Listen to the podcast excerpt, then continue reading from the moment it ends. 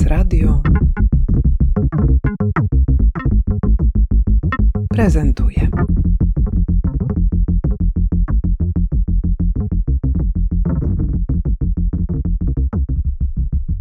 Nazywam się Wojtek Pustoła, jestem artystą, rzeźbiarzem i scenografem. Współautorem wystawy Pamięć jest naszym słabym punktem.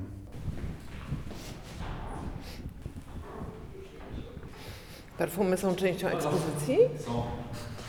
One są prawdziwe? Pani redaktor, dotykać. Jak to proszę nie dotykać? No, sztuka to jest. Były inaczej postawione. Dobra, zaczynamy. Jeszcze raz. Wojtek Zimilski. Tak. Wojtek Ziemilski, jestem artystą i reżyserem teatralnym i współautorem wystawy Pamięć jest naszym słabym punktem. Ta wystawa będzie otwarta w Teatrze Studio, w Galerii Studio do końca tego roku. Ale to twoje przejęzyczenie się wcale nie jest takie bezpodstawne, dlatego że wasza wystawa miesza dwa porządki. y, Sztuki teatralnej i tej sztuki, którą można oglądać w galerii. Opowiedzcie proszę więcej o tym, z czym się tutaj konfrontujemy w tej sali. Jest tu zgromadzonych bardzo dużo przedmiotów, które pracowicie żeście poustawiali w kompozycję. Co to jest za koncept? To są rekwizyty teatralne, bardzo różne. Rekwizyty Teatru Studio ze spektakli, które już które zeszły z afisza. Leżą sobie w magazynie i czekają, nie wiem na co właśnie, na nas chyba czekały. Żeśmy się nimi zainteresowali w trakcie tworzenia spektaklu Oda do Radości, którą też robiliśmy tutaj w Teatrze Studio i e, postanowiliśmy dłużej z nimi pobyć i stąd te instalacje, które powstały w procesie, tygodniowym procesie tworzenia. Jak to było? Trafiliście do magazynu, w tym magazynie było mnóstwo przedmiotów. Z tych przedmiotów, czy wzięliście wszystko, co tam było i one tutaj zostały sprowadzone, czy też robiliście jakąś selekcję?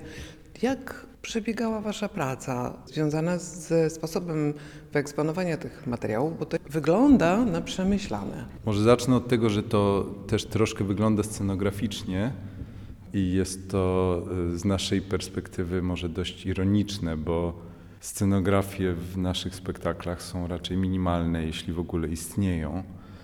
No nie, nie wyobrażam sobie y, spektaklu, w którym mielibyśmy taką ścianę rekwizytów jak tu. Dobra, to podejdźmy do niej i jeśli moglibyśmy trochę opowiedzieć o tym, co tu, co tu jest. Więc e, mamy tu rakietę tenisową z początku XX wieku, mamy tu liczydło, udawane zbite lustro, stare płyty, mamy krzeseł dużo, jakiś stary czarno-biały telewizor, udawany taki fotoradar, pistolet. Pistoletów jest dość dużo. Są sztuczne jabłka, jest baleron, e, jest jakaś maska tukana, sitko. To brzmi jak takie zwykłe przedmioty, ale to, są, to jest ważne, że właśnie że to nie, są, mm, to nie są tylko przedmioty, to są rekwizyty, czyli coś, co w teatrze pełni funkcję, pełniło funkcję i coś reprezentowało. I my zrobiliśmy z tego taki, em, zmiksowaliśmy to po prostu wszystko razem y, w tym procesie i ten proces był o tyle nietypowy, że bazował na metodzie, o której zaraz Wojtek pewnie opowie, która się nazywa Real Time Composition. I to jest metoda, którą żeśmy stosowali y, od samego początku, żeby stworzyć te instalacje. To jest metoda stworzona i dalej zresztą tworzona i rozwijana przez portugalskiego choreografa João Fiadeiro i której podstawą jest to, że, że, że, że trzeba się nauczyć akceptować rzeczy takimi, jakie one są. Co z perspektywy artysty jest dość trudne, czy wręcz kontrowersyjne, bo generalnie jesteśmy uczeni, żeby zmieniać, żeby rzeczy były czymś innym niż to, czym są, e, żeby wymyślać im inne tożsamości. A tu podstawą jest to, że akceptujemy to, co widzimy przed sobą. To znaczy, najpierw musimy absolutnie mieć jasność co do tego, co widzimy przed sobą, nazwać to wręcz, i dopiero potem możemy wkroczyć, jeśli mamy pomysł na to, jak pomóc temu czemuś być tym czymś. Tak? Taki przykład klasyczny e, z choreografii jest taki, że stoi krzesło na scenie, każdy będzie wymyślał milion rzeczy, które można robić z tym krzesłem, a w tej metodzie trzeba na nim usiąść. Więc pytanie oczywiście jest takie, jak można w tak prosty sposób podejść do tak absurdalnie różnorodnej, dzikiej tożsamości, jaką jest y, ten miszmasz rekwizytów. I jak można spotkać tę taką minimalistyczną zen metodę z totalnym nadmiarem semiotycznym, z którym mamy do czynienia po pierwsze w teatrze, w historii teatru, po drugie w historii polskiego teatru, który strasznie wymaga znaczeń i, i tego, żeby wszystko było ważne i znaczące i mocne. Więc to spotkanie było naszym projektem i ta wystawa jest bezpośrednim rezultatem. To jest jeszcze chyba bardziej skomplikowane, dlatego że tutaj nie są w tym ustawieniu są nie tylko rzeczy, które są tymi rzeczami, ale także rzeczy, które nimi wcale nie są, tylko udają, że nimi są, nie mają żadnej właściwości rzeczy, którą reprezentują. Jakbyśmy spróbowali zjeść te jabłka, chyba byłoby ciężko. Tak, no generalnie w teatrze trudno powiedzieć, co jest, a co nie jest i co to znaczy, że jest. Austin, taki brytyjski filozof, mówił o tym, że kiedy aktorzy płaczą, to nie do końca coś robią. No więc to jest takie nie do końca istnienie.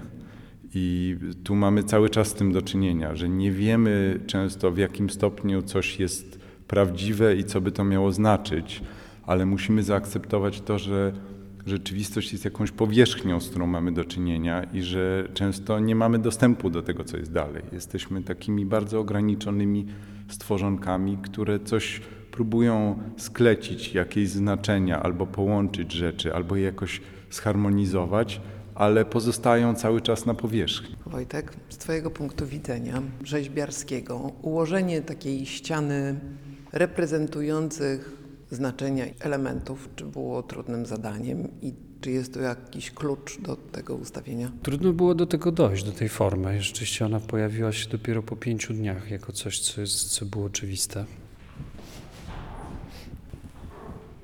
W korytarzu wejściowym jest kilka tutaj smaczków. Jednym z nich jest taki wizualny pamiętnik tego, co się działo w procesie w ciągu siedmiu dni. Codziennie robiliśmy zdjęcia w tym samym punkcie. A pierwsze zdjęcie? A pierwsze zdjęcie jest, jest początkiem naszego działania. Jesteśmy tutaj weseli, młodzi tak było. i entuzjastyczni. Na samym końcu jest e, zdjęcie po, po całym działaniu.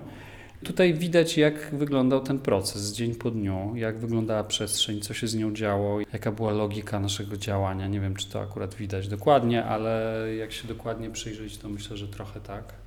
A, a powiedzcie, czym jest to właściwie? To jest sztuczny śnieg. On był w takiej wielkiej torbie i oczywiście Wojtek wziął i od razu wszystko wywalił na ziemię. Więc jak już było na ziemi, no to coś trzeba z tym niestety zrobić. Na początku ten śnieg leżał zupełnie tak bezproduktywnie. Potem Wojtek przedłużył nim linię, która była stworzona z przedmiotów. A później się okazało, że ta linia przeszkadza i ten śnieg tak się coraz bardziej kurczył, kurczył, kurczył, trochę jak teraz mamy na zewnątrz. E, aż została tylko taka żałosna kubka, I więc wszystko jest, się I zgadza. też jest bardzo brudne się zrobią. Co też Tak, jest wszystko jest absolutnie bardzo lokalne.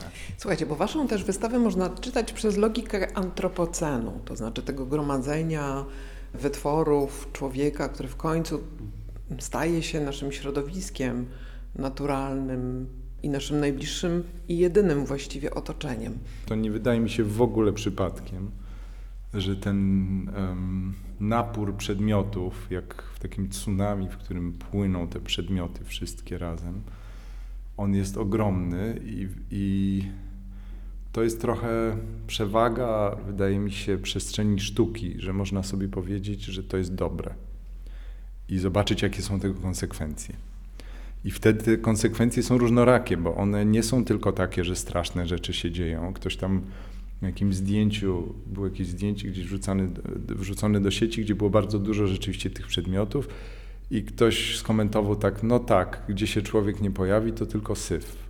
Ale to w ogóle nie jest syf. To są bardzo często misterne konstrukcje, dziwne formy, e, bardzo organiczne.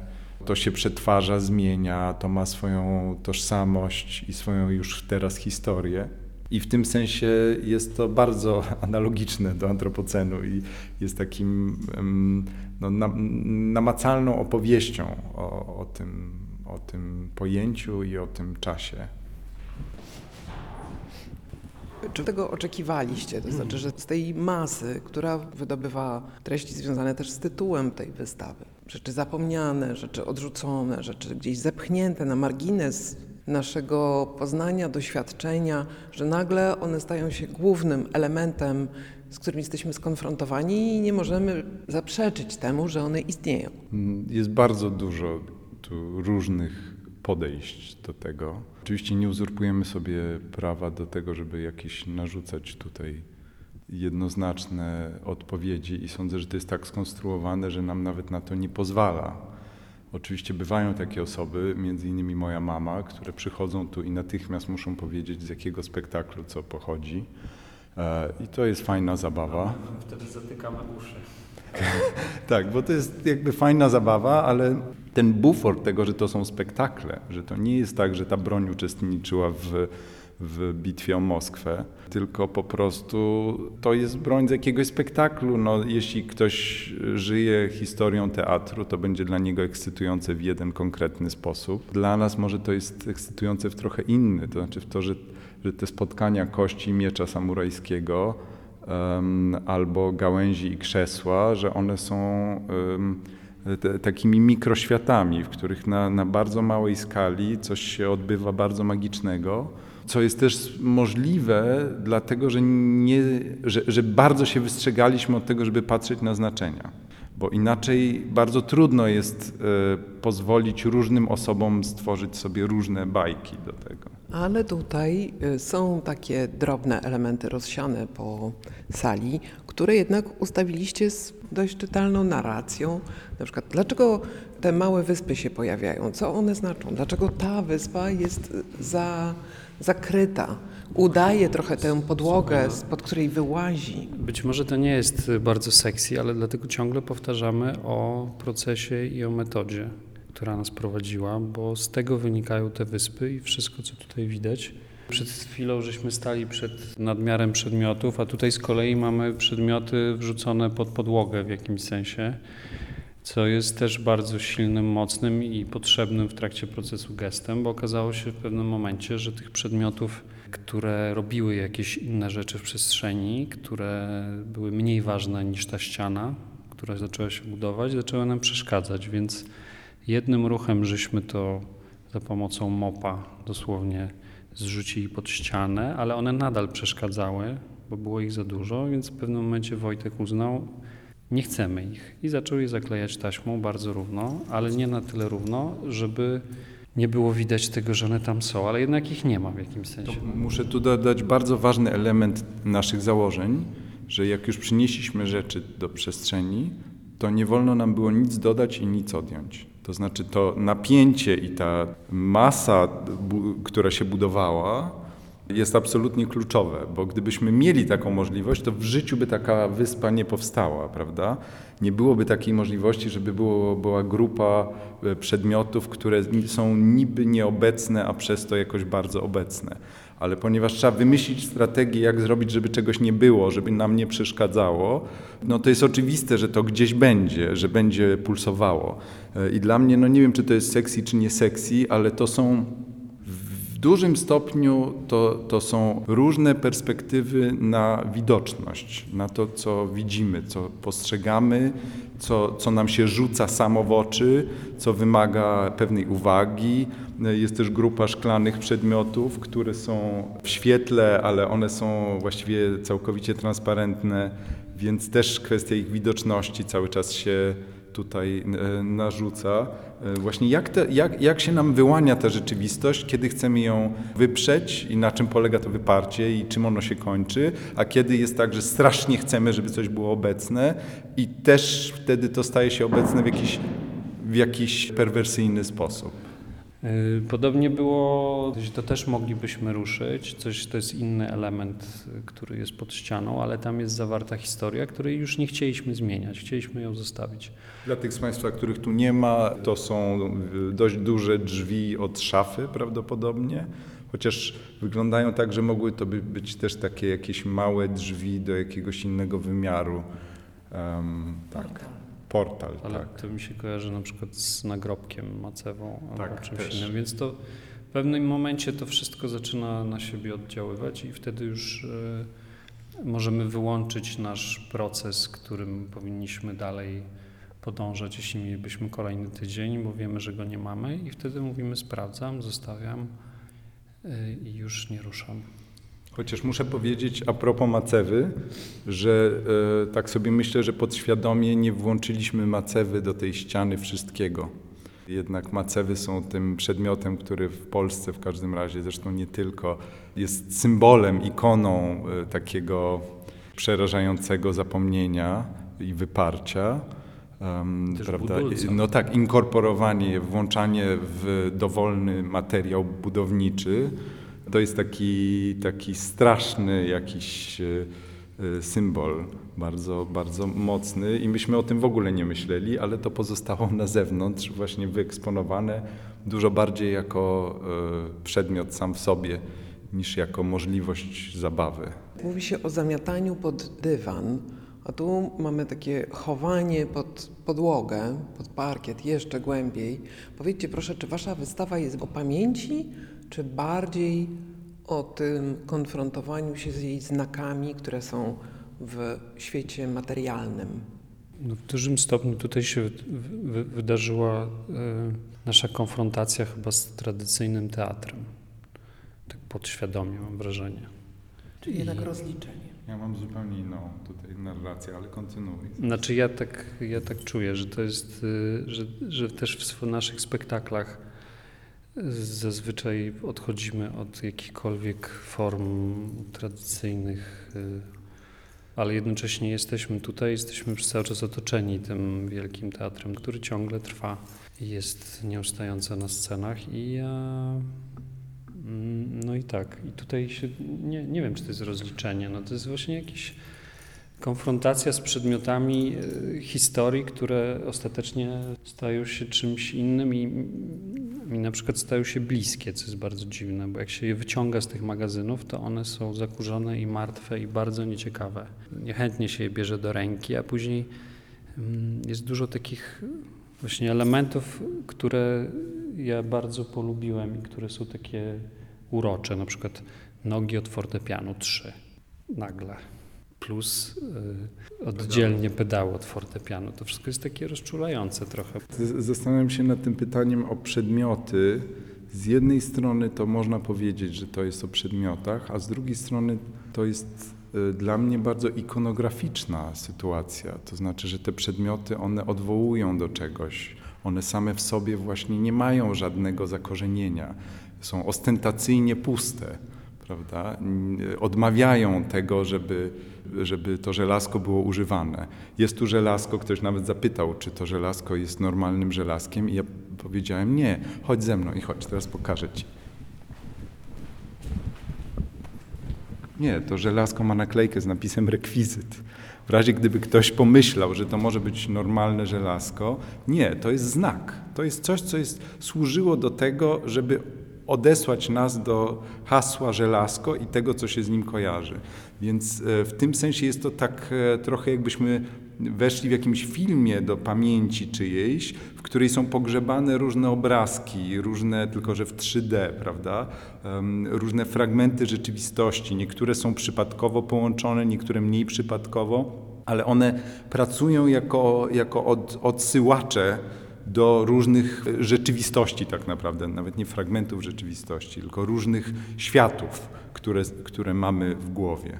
I w tym sensie to jest o pamięci, chociaż oczywiście ta pamięć jest tu strasznie materialna, jest tak na, materialna w nadmiarze, no bo to jednak jest kawał ściany. Ale powiem Wam tak szczerze, że kiedy weszłam tutaj, a byłam tu parę dni temu, przeżyłam szok.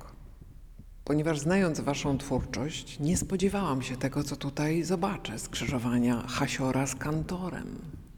I pomyślałam sobie, mmm, artyści dojrzali. Może to jest ten moment, kiedy możecie się już skonfrontować też z historią kultury polskiej. Czy widzicie się w tym planie? To bezpośrednio wynika ze spektaklu, który zrobiliśmy tutaj, który był o dziedzictwie, o pamięci, o tym, co dziedziczymy. No i tam włączyliśmy te przedmioty. Ja uznałem, że jedyną scenografią, jaka tam może być, to jest właśnie dziedzictwo materialne teatru studio. I tak się stało. I w trakcie pracy, która była długotrwała, trudna i mozolna, powstała rzeźba. Aktor stworzył rzeźbę, która była bardzo piękna. Bardzo lubimy tę scenę. To jest pierwsza scena spektaklu. On w ciszy po prostu buduje, buduje, buduje jakąś strukturę, która ledwo się trzyma, ale się trzyma i jest taka nieprawdopodobna i też naszpikowana znaczeniami. I e, bardzo nam się to podobało. Aktorom, aktorzy nie bardzo się chcieli z nami bawić przedmiotami długo, więc udało nam się zrobić tę scenę, a później tworzyliśmy już spektakl, w którym aktorzy mówią, ponieważ oni chcą mówić. Różne są podejścia, odpowiedzi. Jedna jest taka, że już jestem stary i się niczego nie boję. Po prostu mm, nie mam już takiej potrzeby, żeby tak mocno jakoś swoją pozycję odcinać mm, i, i mówić, czego nie chcę. Więc to jest jedno. Druga, że, że to jest cały czas wewnątrz jakiegoś podejścia, które jest bardzo, wydaje mi się, konsekwentnym poszukiwaniem i jakimś procesem. I po prostu tak się trafiło, że ten, ten walec przejeżdża teraz przez magazyny z rekwizytami, więc e, e, okej, okay, niech, będą, niech będą rekwizyty, proszę bardzo, zobaczmy. Więc to na pewno. Też fajnie jest się z taką materialnością trochę spotkać, trochę złapać prawdziwych rzeczy. E, Ciekawe, że akurat wymieniłaś e, Hasiora i Kantora. Hasiora ja znałem jako dziecko i nastolatek. On się przyjaźnił z moim tatą. Byłem tam wiele razy u niego w Zakopanem i to na mnie robiło zawsze piorunujące wrażenie. E, Jakiś Hasior wisiał u mojego dziadka. Więc to była taka postać bardzo bliska mi osobiście i właściwie no, kłopotliwie fikuśna. I to jest w tym sensie coś, co może w pewnym momencie jest takim, taką pozycją, którą jest czasem fajnie mieć. E, A kantor jest e, wiecznie młody, no, skubany. No. Po prostu co umrze, to, to się odradza jeszcze młodszy. Więc e, ta jego bezczelność i, i takie takie nachama wchodzenie w każdą przestrzeń, a jednocześnie um, przesączone formą. Sądzę, że, że to też jest jakiś, jakiś taki ciekawa lekcja do nauczenia. Chociaż oczywiście nie bezpośrednio, no, raczej nie robimy tutaj kantora, mam nadzieję, e, mimo wszystko. ale, ale tak, no, tych, tych, tych dwóch starych dziadów Spoko, no niech będą. Miałam nadzieję, że was trochę sprowokuję. Bo... Przepraszam. A tu nic, w ogóle totalnie. E, Moglibyśmy się co najwyżej obrazić. No, obrazić? Nigdzie za Hasiora i za Kantora? Jak to możliwe? No dobrze, posłuchajcie. Jakoś musimy to spuentować, co Mhm. łatwe nie jest, dlatego że otwieracie tak naprawdę spory zasób rozmaitych treści i pytań, które to fajne, że zostawiacie tutaj bardzo dużą przestrzeń do samodzielnej pracy e, na tej wystawie i, i, i tak naprawdę też ten tekst e, kuratorski, pomimo że jest bardzo obszerny, tu nie domyka żadnych znaczeń. No ale być może jakieś znaczenie chcielibyście domknąć, powiedzieć coś takim pełnym głosem, jakieś zdanie. To może o to Was zapytam na koniec. To ja bym chciał powiedzieć, że to jest przede wszystkim przestrzeń do doświadczenia zmysłowego. I w związku z tym kłopotliwe jest domykanie tego w znaczeniach, bo jak wszystko, co jest somatyczne, to ucieka bardzo skutecznie od naszych e, prób e, wsadzenia tego w szkatułki. Więc pomimo tego, że być może trochę wyjaśniliśmy, a trochę nie, to zapraszamy tutaj na miejsce, gdzie to jest faktycznie fizycznym doświadczeniem przebywania w tej dziwnej przestrzeni i, i odkrywania tego świata. Dziękuję Wam bardzo za rozmowę, a wszystkich zapraszamy tutaj do Galerii Studio, gdzie wystawę można oglądać do... Już tylko do końca roku, więc bardzo króciutko. Więc zapraszamy wszystkich.